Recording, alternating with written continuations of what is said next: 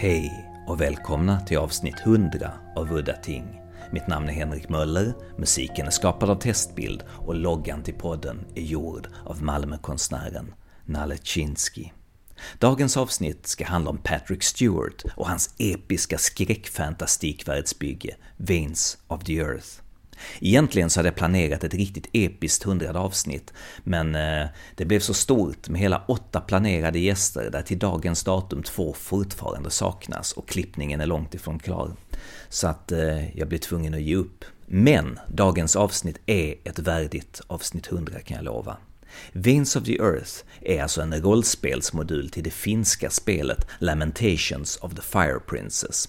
Låter kanske inte så kul, men jag tycker också faktiskt att det är mindre intressant. Jag tänker fokusera på modulen Veins of the Earth.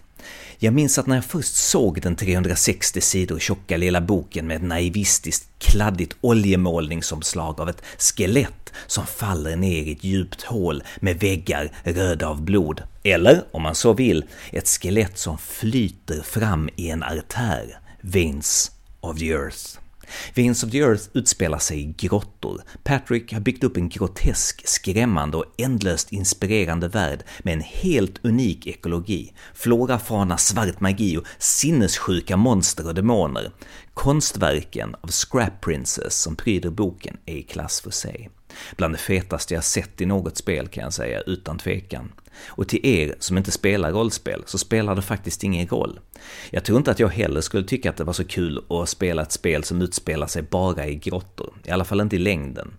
Hela allt det här spelar inte så stor roll, för att boken används alltså som inspiration för alla som har kreativa intressen.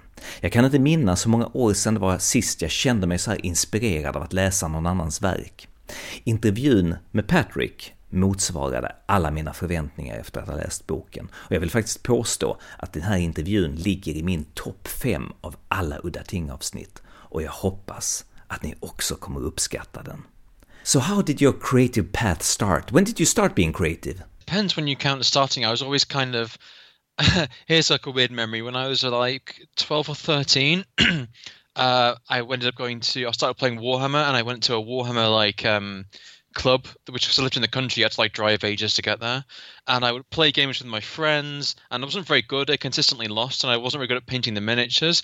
But I did come home and write weird stories, as if from the point of view of one of the little model men on the board. Because I would sit at home and think, what would it be like if I was one of those Imperial Guardsmen and I just saw a space marine got burnt to death?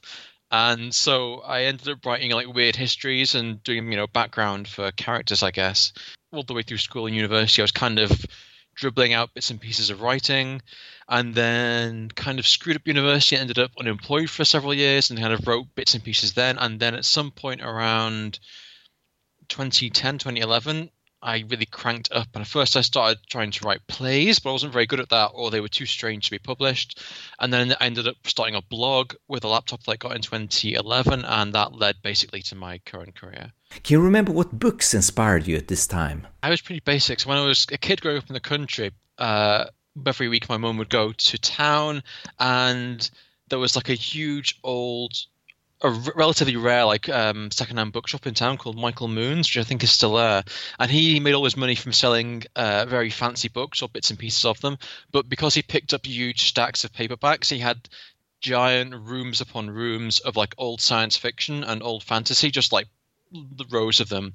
And I still have a handful of those on my desk. So basically, every week I would go to the school library and I would go into town. I would get up a new science fiction book or a new. I just I just devoured stuff like that. So that was when I was young, and then going up. I think in my early twenties, I picked up comics and I picked up a copy of Preacher, and so I was into those. That was during like just at the tail end of the British invasion, where people like Warren Ellis and Grant Morrison and Garth Ennis and Alan Moore were still writing, and then I got into weird fiction like China Miéville, but I've basically been reading omnivorously since I was, I don't know, in primary school. I read pretty much everything, I think. So I don't know. Is everything like a particular? It just tends to, it just, it just tend to focus on fantasy and science fiction, but I add other stuff up on top of that. So yeah, I read everything, I guess. What I'm getting to with all of this is how did Veins of the Earth come about? I've always had a kind of uh, general interest in really deep places. I always had kind of weird fantasies about, in particular, about deep oceanic spaces, stuff like that, like geothermal vents, etc. So I was this was after I started my blog, and I was talking to my friend on my blog, and he. I was mentioning this weird dream I had. I said I wanted to write a book about like um, hunting albino whales in an undersea ocean, which is something I still haven't written. And he said he would dare me, or he would do a bet with me that he would write his book uh, about uh, opium-fueled uh, Far East Asian dream states, and I would write mine. We would see who got to the finish first, and he won by quite a long way. Um, his name's Dave McGrogan. He wrote a book called Yoon-Suin, which is still available, I think. And as part of me thinking, okay, I'm going to write this book, I'm going to seriously try and write it. I started buying up books on caves and cave systems and geology and uh, speleobiology, anything to do with like underground worlds, and just read tons and tons and tons of them, and basically read and wrote and read and wrote uh, on the bus to work, on the train, like in pubs, just like I, was, I had stacks and stacks and stacks of notes. And it was originally meant to be a very small book. It was going to be based on a book by a guy I used to know, uh, a book called Vornheim, and it was meant to be like a small generator book. But I just kept adding more and more and more stuff to it until I had this. Wait, wait, wait. What's this thing with this guy you told me about? I never understood how he fit into this story. well, well, I had a friend called Zak Smith who I was very close with, and who I'm very much not close with anymore. And he's uh, you can look up the scandals to do with that uh, online. But basically, he wrote a book called Vornheim, which had like an instrumental. It was kind of a Sex Pistols book. You know, everyone says they're at the um, there were like five people at the Sex Pistols first performance, but all those people ended up starting a band. Well, that was a book that I read the hell out of. A very slim city generation book, like a couple of like 50 or 60 pages A5, but it sold really well and it had like a lot of innovative ideas. And I thought, oh, I can do something like that because you'll just take the template and replace it with this cave stuff instead. But the more I learned about caves, the more I learned that they are nothing like cities, and I had to, or I felt I had to just write more and more stuff about them. Can you tell me how you came in contact with Lamentations of the Fire Princess creator and how all of this stuff began? I was reading a lot of Lamentations stuff anyway, so whenever they brought something out, I would take a look to see if I was interested. And they seemed like the people most likely to be interested in it. So I, I put together this document, which was gigantic. Like I, it was the size of Veins of the Earth, basically, but it was plain text. Didn't have anything special, and it was unedited. And I wrote to James Raggi saying, "Are you interested in this?" And he said, "Sure, I'll take a look." And I sent him this PDF or file, and he was like, "I'm not reading all of this." And I was like, "He sent me." He was like, "Send me a hard copy." And I was like, "Okay, okay." Um, so at the time, I was really poor, and I spent like the last fifty quid that I had, or what I didn't have, on a print-on-demand copy of Veins of the Earth, which I sent straight to James Raggi. I've never seen a version of this print on demand version myself because I couldn't afford to buy it for myself. I just sent it to him and I was like, I'll never hear back from this guy ever again. And I did hear back from him uh, after a while. He said, "This is good. I'll go with it, but it needs to be edited and etc." And that editing process, because Raggi was then and is now still really slow, and the book was massive, and we nearly gave Jez Gordon did layout for it, and we nearly gave him a breakdown because he was just too big for him. So basically, a lot of my works are finished a long time before anyone sees them, or the first draft is finished, and then the process of putting them together because OSR books take so much layout and so much editing and so much different, so many different kinds of testing and like anal- analysis that it took like two years maybe before the first draft and the book actually coming out. It took a long time, and it kind of broke everyone in the final editing stages because there was again there was so many things happening and so much stuff to be done that it was just everyone kind of like little, a little bit crazy. Uh, and then it came out and it was way too heavy because it had to be sent from Finland, and most of the market was in the USA. So it was like it weighs like more than a kilo or something, and it's ridiculously massive. So it's like a heavy parcel, and it's like, oh god, this is going to be terrible. But it didn't sell. It didn't do that badly. It did okay. I think people people still write to me about it. So what's the difference between this first print-on-demand version and the one that's available in the stores now? I am not sure. It was. I think it was probably more rambling and less clearly laid out and there's been a lot of like a lot of the game artifacts, like the stats and the points and stuff like that, have been changed, and a lot of the rules would have been less clear. But most of the text, the core text, would have been broadly similar. Like all of the information that was, it would have evolved from that. So nothing was, I don't think anything massive was added. So it would have been roughly the same, but like a hideously ugly, sprawling, strangely laid out version of it. So how do you start? Which end do you start with when building a universe like that? One of the first things I did was to create the list of caves. So basically, I read a lot of books on geology and a lot of books on cave exploration. and there's a few that stand out. There's the Time Life book on Underground Worlds, which is kind of like a bit general, but a very good starter book. There's a, and then there are a lot of books about stories by cave explorers. Uh, a guy called Norbert Casteret, who wrote books about. He was one of the first French cave explorers, and there's a guy. There's like a book called Blind Descent, which is a bit Hollywood, but again is about cave exploration. I realized pretty quickly that you couldn't do a realistic game about cave exploration that would be interesting because it's so hard and so detail oriented and based so much on fine unlike endurance and caves aren't like dungeons at all so i was like how can i do something which is feels like it's real cave exploration or which has the mood and the feel of it but which is actually workable as like an old school d&d thing and I, that was kind of one of the most interesting elements to me um, and then on top of that, got layered loads of lists of stuff. Because whenever I like, write a list, I'm like, I have to make every element of this list really interesting, and I have to try and make all these bits. One of the first things I did, one of the first cave generation things, was that list of caves in there. I think that's like a hundred or something, um, and that was going to be part of a generation system. And it never got. We could never find a way to integrate it fully and properly into it. It, it wouldn't work right.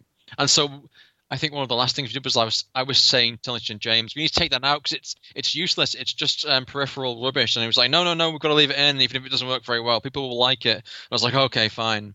Uh, but yeah, a lot of weird, a lot of strange challenges and failures and information moving around until you got ended up with the book we got, which is like again rather chaotic and has basically it has a lot of stuff in it. I'm not sure if it's a very coherent piece of work, but it's got like everything I could think of go went, in, went into it.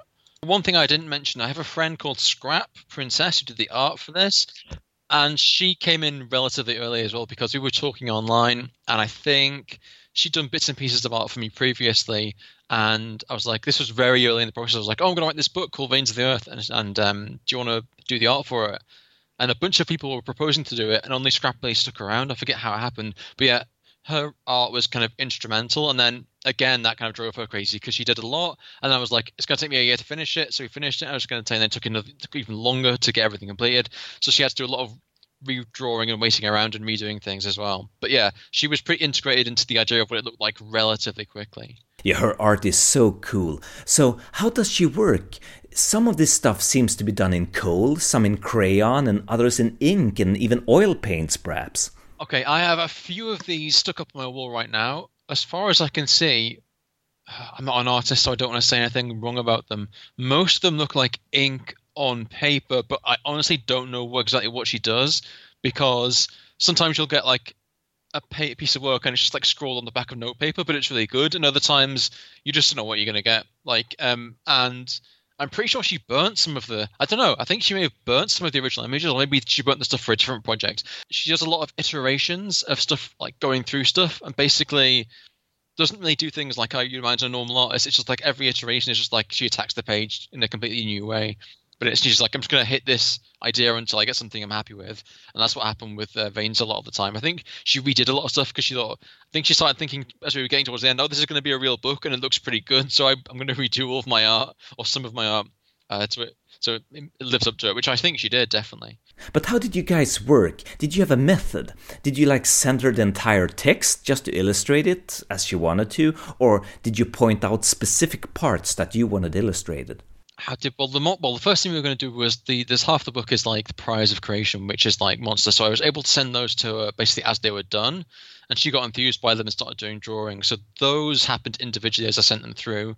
And the Trilobite Knight i guess she i really liked those. She just kept doing them and they're kind of scattered throughout the book. And other stuff i think uh, got done and redone as we came to it as we were laying it out i think. But yeah the process was so long and the process of making Veins of the Earth was like reading Veins of the Earth. It was insanely long and labyrinthine, and you don't really know exactly how you went from one particular point to another. I could dig into my old files and try and find stuff, but it's it's probably going to be like a gigantic stack of files. I actually can have a look and see how far and how deep they go back, but like it's pretty wild. Okay, so yeah, there's like a ton of folders here, and this is just from stuff from 2015 onwards. If I go into everything pre 2015, okay, so it looks like what I did was I broke it down to chapters and then filled those in. So it looks like I just did Prize of the Earth, Cultures, Light and Dark, Character Sheet, Encumbrance, etc., etc., and did each individual chapter, and there's a bunch of files inside each of those.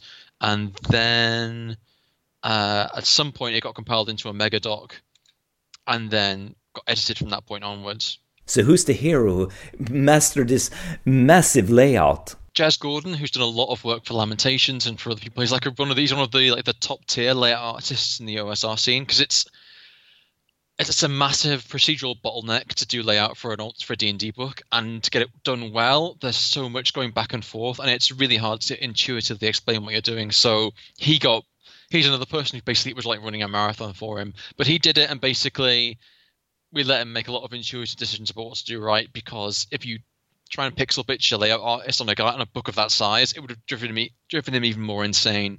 Uh, but yeah, he did it, and then we had a vague idea of what general idea of like the proportions of what we wanted things to look like, and then we would have gone through and I think Scrap asked him to nudge things back and forth and use or not use different things. But the dominant he would have been the dominant force in the layout, I believe.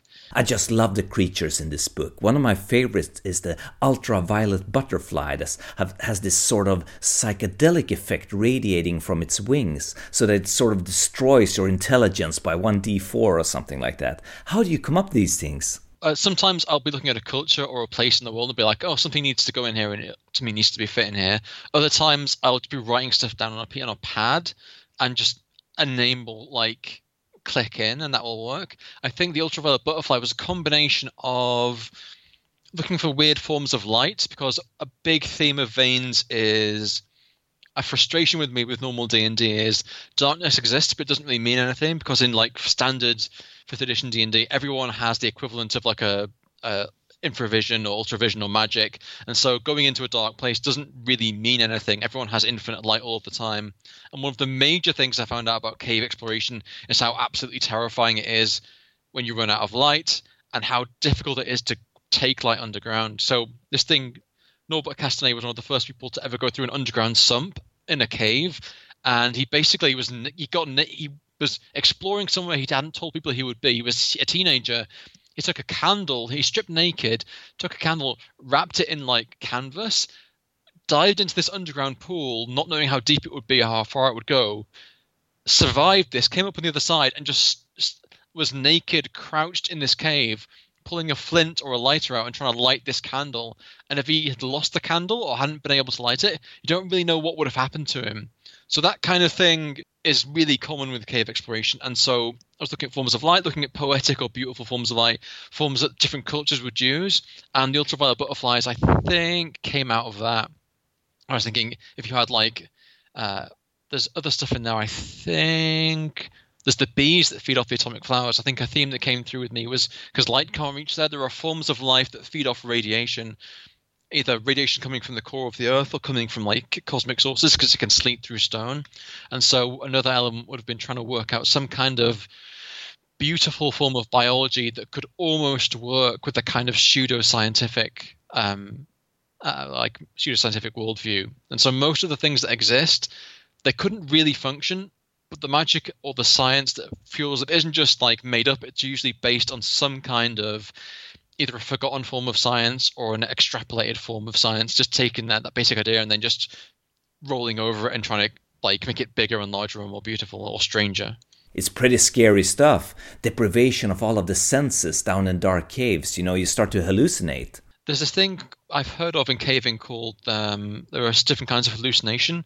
Basically, only one guy really talks about it, and he's one of like the shadier cave writers. He wrote about um, cavers having like visions and hallucinations, and uh, like the um, endurance thing, sending them having a little bit loopy, and people having like uh, mental like breakdowns. But other more regular cavers never talk about it, and the I think the reason I'm trying to work out is either this guy is shady and makes stuff up, um, which he might do, or it's a rule in caving that you don't talk about the weird visions you had while you were down in the cave because there's a big cultural divide between cavers who consider themselves to be like a bit edgy but very responsible, very normal, definitely not weirdos, and they're all very big on like they have very complex rules and rituals about mapping and not like exploring too far and doing these things a certain way, and they hate being called spelunkers because they consider those to be like uh, sports climbers who ruin caves big deal in caving is to preserve the cave because if you get down into one where no one's ever been, firstly you're the first human being to ever stand there ever, and secondly you can break cave architecture really easily. Like if you stand in some mud or break off a stalactite or destroy a piece of like uh, calcite, that's gone forever. So cavers go mental about people like trashing caves, and they consider themselves to be kind of defenders of these permanent, these like underground worlds. Really, uh, I've gone, I've rambled a little bit, but yeah, uh, I don't really know if cavers really do have uh, audiovisual hallucinations. I suspect they probably do because from the medical reports on what happens to people if they go without sleep and if they go without light for a long time, the body just kind of flips out after a while, and we don't, and all kinds of weird stuff starts happening to it. So I think probably they do, but I can't confirm it. Is there anything else you discovered while researching deep cave explorations? Just the sadness of people dying underground, because a deep cave system is nearly as hard to get to as like the end of the world or the moon. Um, and people who explore, who are like racing each other to find the ends of the deepest cave systems. Uh, the amount of like stuff. That's another reason why in real life it wouldn't be possible. Is just the sheer amount of stuff you need. The Russians do it relatively light, but they still need like trucks, and the Americans obviously go in with like trucks and trucks and trucks of stuff. But it's got that old problem of like uh, you need so much rope and water and light to get you down to a certain stage, and that gets like 10 people there. And those 10 people can carry more water and light and rope to get like five people down. And those five people can carry more water and light to the next stage to get one person down. And that one person might be on their own. And if you're going as far as a human being can go, the way caves work sometimes is they have these irrational or the scale of them doesn't matter. So there's a story from the uh, like a Mexican cave about some you just look around this weird organic shaped place that no one's ever been in before in life, and someone sees like a crack, and the crack is about the size of your head, and someone goes, "Hey, I wonder if we can get in there." And that's what a caver is like. They'll see like a letterbox shaped crack and think, "I'll go in there, and if I can't turn around, we'll work something out." And so they get down and they shove their body into this space where if you breathe out, you're gonna get trapped.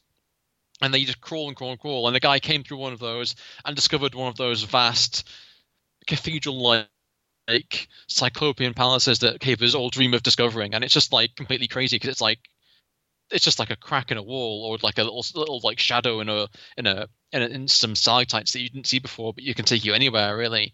And every time you do it, you're kind of rolling the dice on what you're going to find. So it's the this weird combination with cavers of being very like calm and relentless and having high endurance, but also having these weird like they'll do crazy stuff sometimes, but they won't call it crazy. They'll just say, oh, you know, we're, we're just trying out a little plan. But you're kind of uh, my original point was if you die in a cave and you're at the edge of a cave expedition, there are places down there that you can't get a human body out of unless it's under its own power because human body even if you're moving it normally it's like a weird bag of bones and it doesn't like move right and it's hard to carry and these people are already at the edge of human endurance, and they've already gone as far as human being can go if they're free climbing or using ropes. And so if someone dies, they're not coming out. And so there are contracts and agreements about what to do if someone dies at a certain point in an expedition. And basically, the unwritten rule is you have to let them skeletonize, and then either you leave them down there as a monument, or you send someone down later on, like a year or five years later, to get the skeletonized body and like pack it up with the bones and bring them out.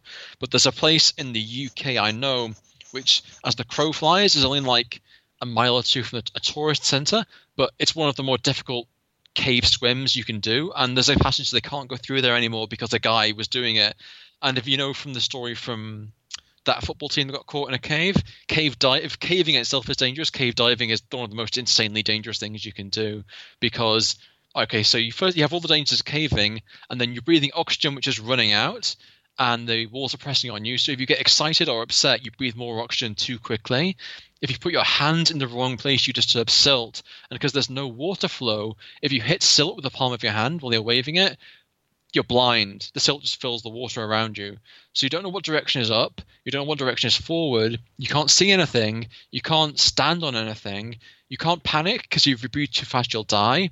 Maybe around you there's a rope or something that's going to pull you back. But if anything goes wrong with that rope or you can't find it, you're going to die. And that's what happened to this guy in a British cave. That's happened to I think one of the seals they there who lost their life trying to rescue that football team. They they raised silt and then just basically couldn't find the cord back, and then that's it. And if you're in like a narrow passage when that happens, they're not going to come after you because, uh, it, you know, it's it was dangerous enough to kill you. So there are these places, some very distant, but some very close to civilization where there are bodies of people that are even though they're within like the bound they're like five miles from a tesco or a shop they're still at the borders of what human beings can reach without getting killed that's very strange to think about I have no idea, but I wonder if the body starts to experience some kind of pressure, you know, like divers, when they get sort of slow and fussy in the head as they reach certain depths. My uncle told me a story that when he was diving, he started feeding his fish with the bubbles from his oxygen mask.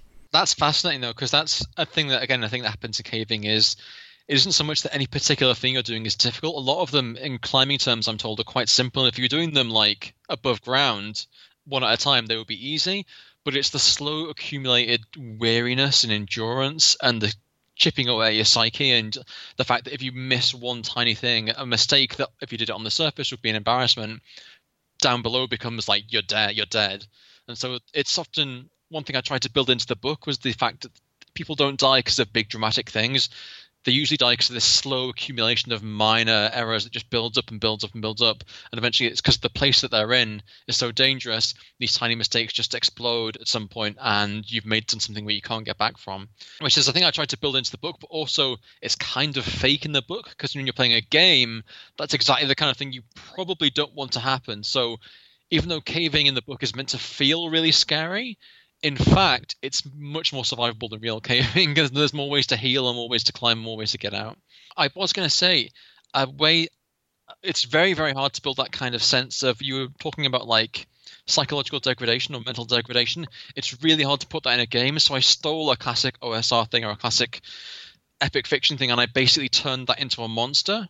So now, because it's hard to simulate mental breakdown in a game in a fun way, there's literally a kind of psychic animated monster which may be real or unreal, but which is literally following the player. I call it the Rapture, and it basically, whenever they have a problem or they have a meltdown or they fail a test, the likelihood of it reaching them gets bigger and bigger and bigger. And when it does reach them, they have a complete hallucinogenic breakdown and can't move properly or can't do normal things. So it was a an interesting challenge to turn this very internal psychological state into something that could be workable as part of a game.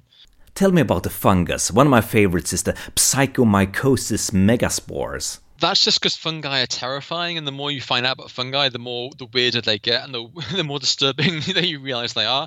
So in like in old in older cave products, um, a problem that people have was how do you have a civilization underground? You know, fungi grow underground, and so fungi became like a big deal. But they were based on mushrooms, basically. So you had a mushroom man, which I still have in the book a bit, I think. So I thought this is a semi-real thing. I'll try and find out more about fungi and how they work. And the more I find out about them, the more really weird and disturbing stuff I found out about them and what they do, and the fact they're not they can do a bunch of one thing that not the, not the megaspores do, but one thing the funginids in the book do is they form a civilizational role, which is very similar to that formed by actual fungi because real plants I found out can't synthesize enough nutrients from their soil. Like there's about 80% of plants that can't do it on their own. And so they're in a symbiosis with certain fungi.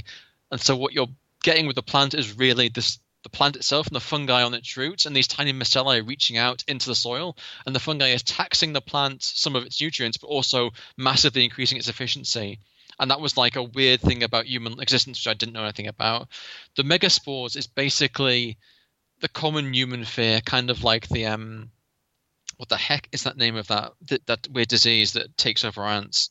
I think it's called I think it's called cordyceps, but it's a fungi because insects find it for some reason fungi hates insects. It's bad for mammals, but we can maybe because we can scratch. I don't know.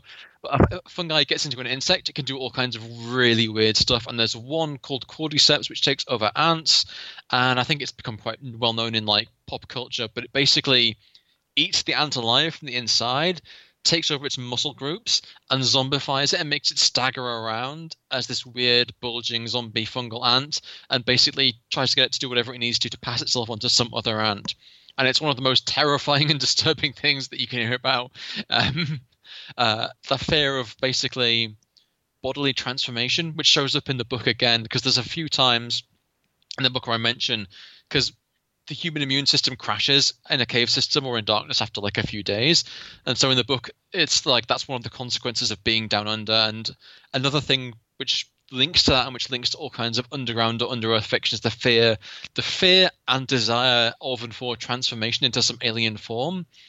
And this is a thing that happens to people when they go into the other world or when they're very far away. It crops up in a lot of the fiction. And so one of the methods for doing that was some kind of symbiosis or relationship with fungi where you become kind of a bit fungal. And that relates, I saw bits of that from a book called The Descent, which is very fun. There's bits from Jeff Vandermeer books, and there's stuff that I just threw in of my own.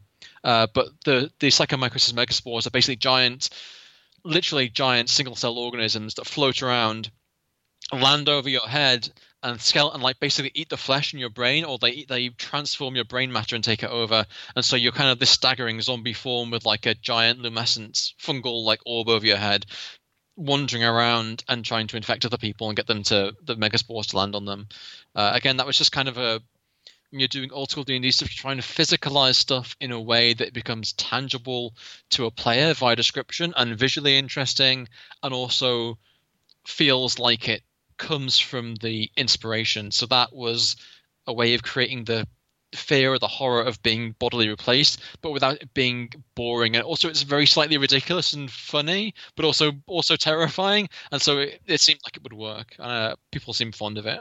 All of this made me think of that underwater parasite, you know, that eats fish's tongues. It swims into its mouth and sort of becomes the tongue after eating it. Yeah, another terrifying thing. I don't know if I put that in, but yeah, that is absolutely. It's it's that that fear is just like oh fear of bodily violation is a big thing with human beings, I think, for all mammals, but it's one of those primal things when you think about something under your skin or something taking you over. It's just like, no, I don't want it. Another of my favorite in your book is the hand, the phantom hand of Gargas. So the hand is like a common image in cave paintings. A lot of people it's a common thing with like Neanderthal or primitive man. He would put his hand on a, wall and either blow. He would either I think leave a print or blow ink over it. So com- image we associate with caves is these like very very ancient prehistoric hands. The Empire of the Endoliths. So the hand, I think, is like a symbol from a guy who translated himself into a hidden empire within the stone. I knew about Endoliths, which are tiny, tiny microbio, uh, micro uh, creatures that live inside stone, and they live.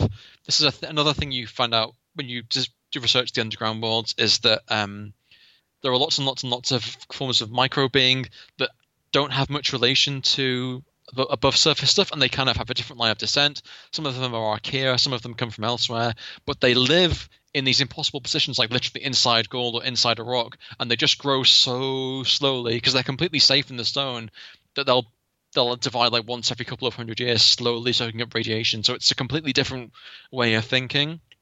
And so I came up with this idea for the Empire of the Endoliths, and I think parts of it were based on taking a train journey to work in the winter when it was really dark and really cold.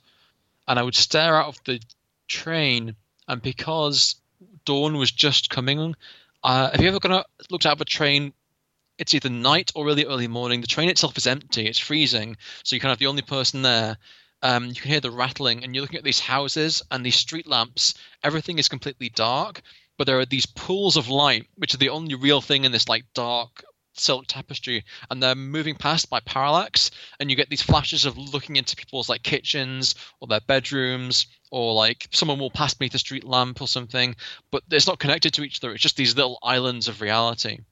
And I think I think I was just staring blankly out of the window, and I think I based the Empire of the Endoliths on something like that. And then as for the rest of it, I don't know how I put that together. That was like a really weird one obviously if, if, there's a hand mark, maybe a giant hand can come out. What happens next? Maybe with the Endoliths want you to come and join them. What happens then?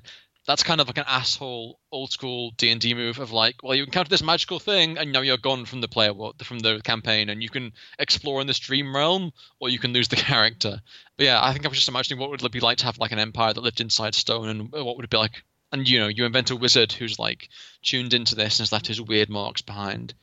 Yeah, that is definitely one of the more strange and dreamlike ones I came up with. There's another one in there which I got.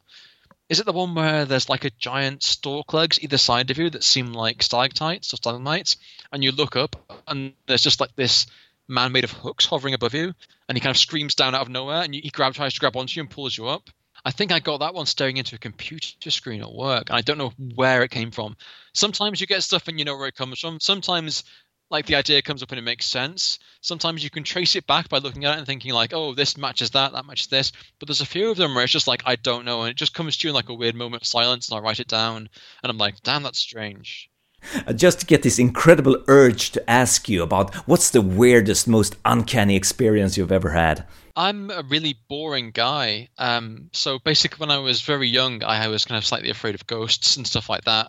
And when I was in college, I was on a lot of drugs, so I'd occasionally see things, and that freaked me out. But other than that, I, if you met me, I think James Raggi said that he, I did not match up his expectation of the person he was going to meet who had written Veins of the Earth. I'm a very, very boring, slightly neurotic, hobbity person. I don't really have uh, weird visions unless they're in my work.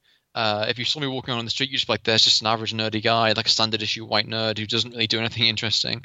Basically, because of like low level mental health problems and unwise drug use, I did have like weird moments uh, in my early 20s, um, but that's not something that I ever wish to repeat. And to be perfectly honest, I'm much happier and more productive without it. So almost everything strange that I imagine uh, either comes from or bleeds back into the work, and it comes from the books that I read, or just from like quiet moments from just daydreaming or thinking.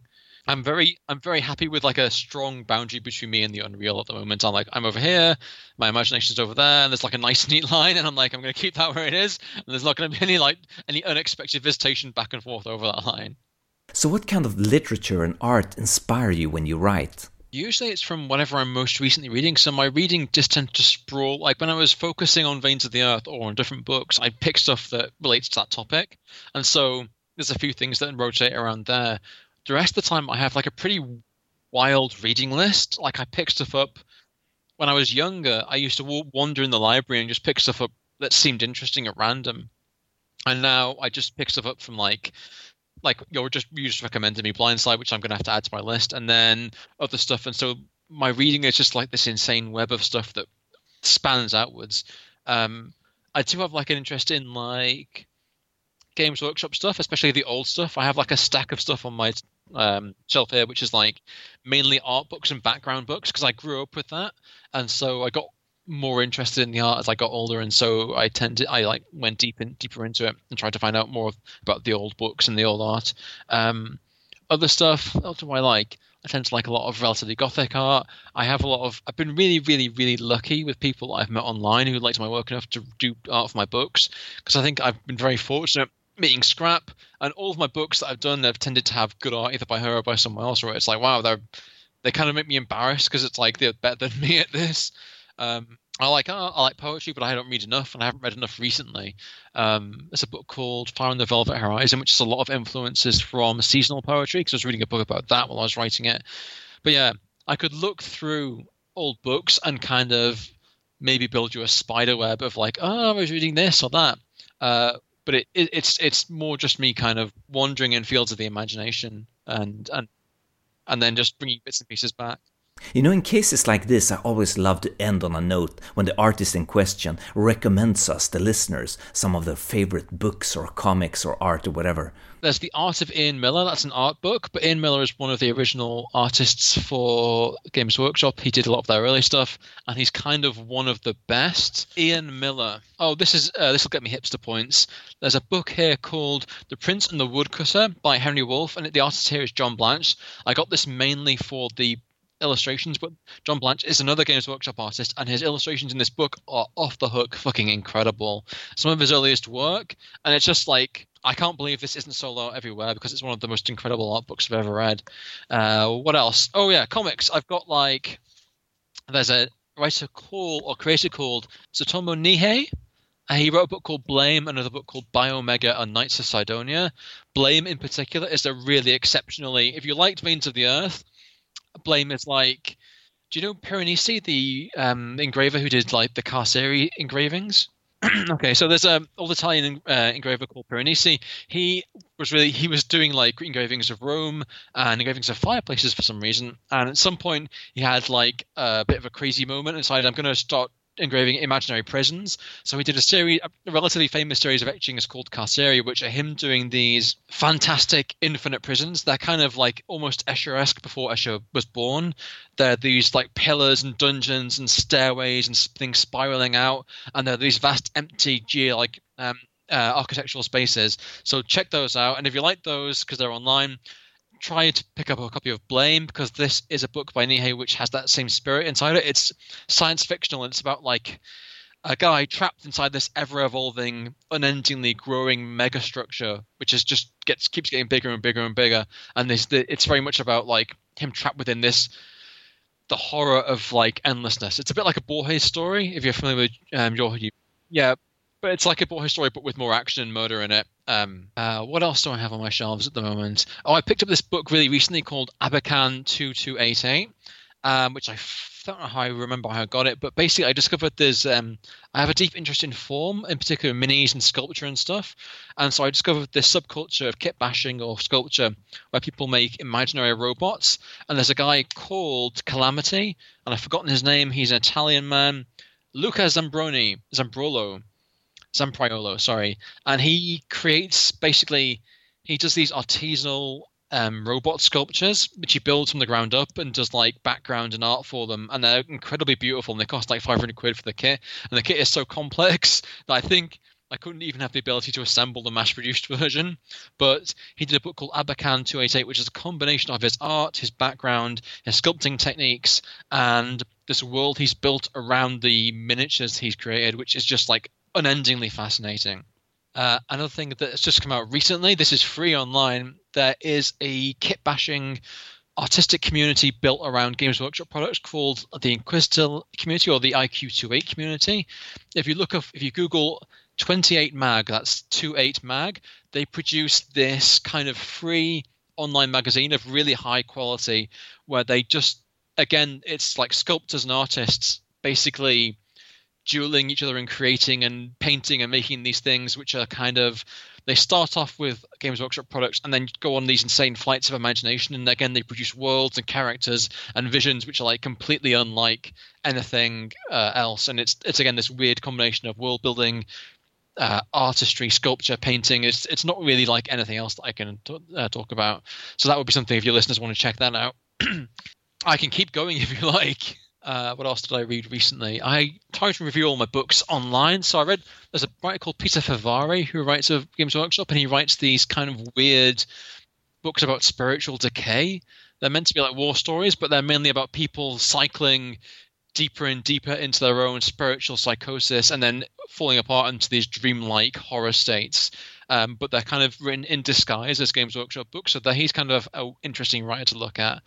Uh, I wrote a book, read a book recently called The Dictionary of the Khazars, which is a, I think it's called an epistolary novel, which is about, um, it's three dictionaries of an imaginary or supposed people who lived on the banks of the Black Sea, but it's written as a kind of uh, Borges detective story. So there's these, it, it's simply made up of these entries about different characters, and there's the, this group called the Khazars who were meant to have converted to either Christianity or Islam or Judaism, and no one knows which one it was. And there are three dictionaries written about them from each different point of view, and through the different characters and the interweaving and dueling stories that pass through these entries, you kind of build this kind of mosaic of what the truth may or may not be, and it has loads of like weird Yugoslavian or like South uh, uh, or like uh, Central European mythology in it. That's kind of a weirdly fascinating book to take a look at.